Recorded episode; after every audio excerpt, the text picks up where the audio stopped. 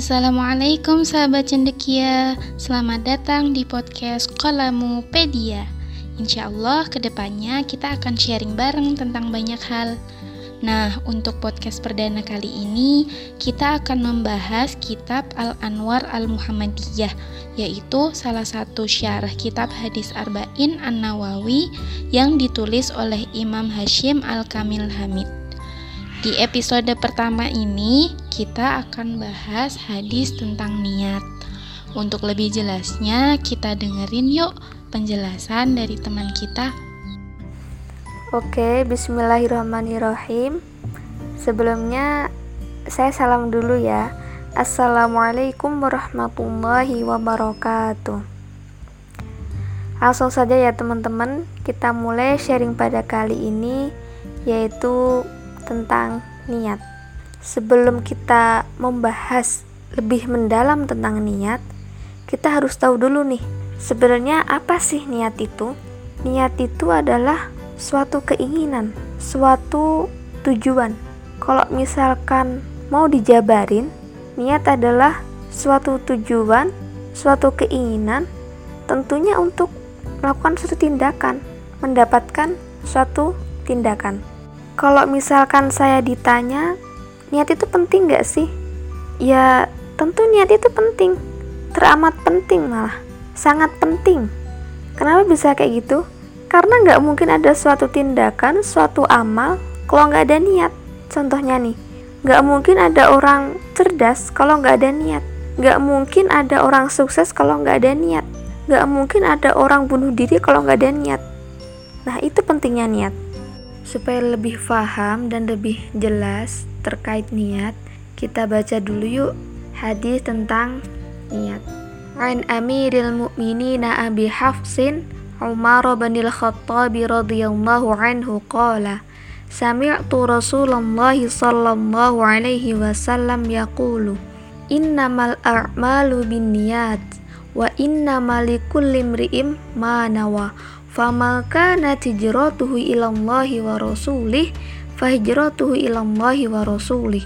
Wa ma kana hijratuhu lidunya yusibuha aw imra'atin yankihuha fahijratuhu ila ma hajara ilaihi. Artinya dari Amirul Mukminin Abi Hafsin Umar bin Khattab radhiyallahu anhu berkata Aku mendengar Rasulullah shallallahu alaihi wasallam bersabda, Sesungguhnya setiap amalan tergantung pada niatnya. Setiap orang akan mendapatkan apa yang ia niatkan. Barang siapa yang hijrahnya karena Allah dan Rasulullah, maka hijrahnya untuk Allah dan Rasulullah. Dan barang siapa yang hijrahnya karena mencari dunia atau karena wanita yang dinikahinya, maka hijrahnya kepada yang ia tuju. Hadis riwayat Bukhari dan Muslim Hadis riwayat Bukhari nomor 1 dan Muslim nomor 1907. Perihal hadis tentang niat ini, Imam Abu Daud mengatakan, niat merupakan separuh dari agama Islam. Kenapa bisa seperti itu? Karena dalam agama Islam ada kalanya bersifat zahir yaitu amal dan ada kalanya bersifat batin yaitu niat itu sendiri. Lalu sebenarnya letak niat itu di mana sih? Jadi letak niat itu ya fil qalbi dalam hati kita. Adapun kalau terucap oleh lisan kita, yaitu merupakan suatu penguat dari niat yang ada di dalam hati kita. Lalu, kedudukan niat itu sebagai apa sih?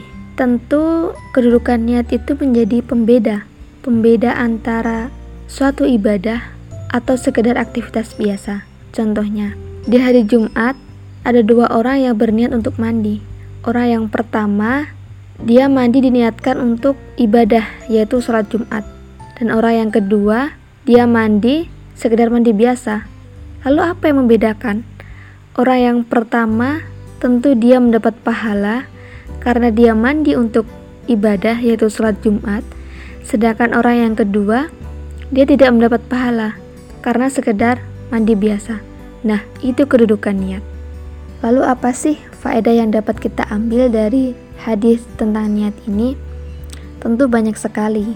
Yang pertama, tidak ada suatu amalan kecuali dengan adanya niat. Oleh karena itu, kita harus memperbaiki niat kita supaya mendapat balasan atau pahala dari Allah Subhanahu wa taala. Yang kedua, kita harus ingat bahwasanya niat menjadi pembeda antara ibadah dengan aktivitas biasa. Yang ketiga, barang siapa yang beramal ikhlas karena Allah, maka amalnya akan diterima. Dan barang siapa yang amalnya karena ria di hadapan manusia, maka tentu amalnya tidak akan diterima. Kemudian yang terakhir, wajib bagi kita untuk membersihkan hati dan meluruskan niat karena Allah Subhanahu wa taala. Nah, demikian tadi ulasan singkat perihal niat dari kitab Al-Anwar Al-Muhammadiyah. Semoga apa yang disampaikan bermanfaat ya. Sampai jumpa di podcast selanjutnya. Akhirul kalam. Wassalamualaikum warahmatullahi wabarakatuh. Salam cendekia.